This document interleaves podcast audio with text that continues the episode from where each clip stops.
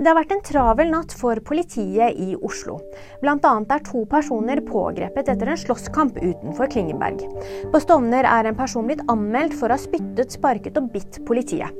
Og flere hundre hotellgjester ble evakuert etter at en mann skal ha utløst brannalarmen. Det ble satt Vipps-rekord på Black Friday, for aldri før har vi vippset så mye for netthandel som vi gjorde på fredag.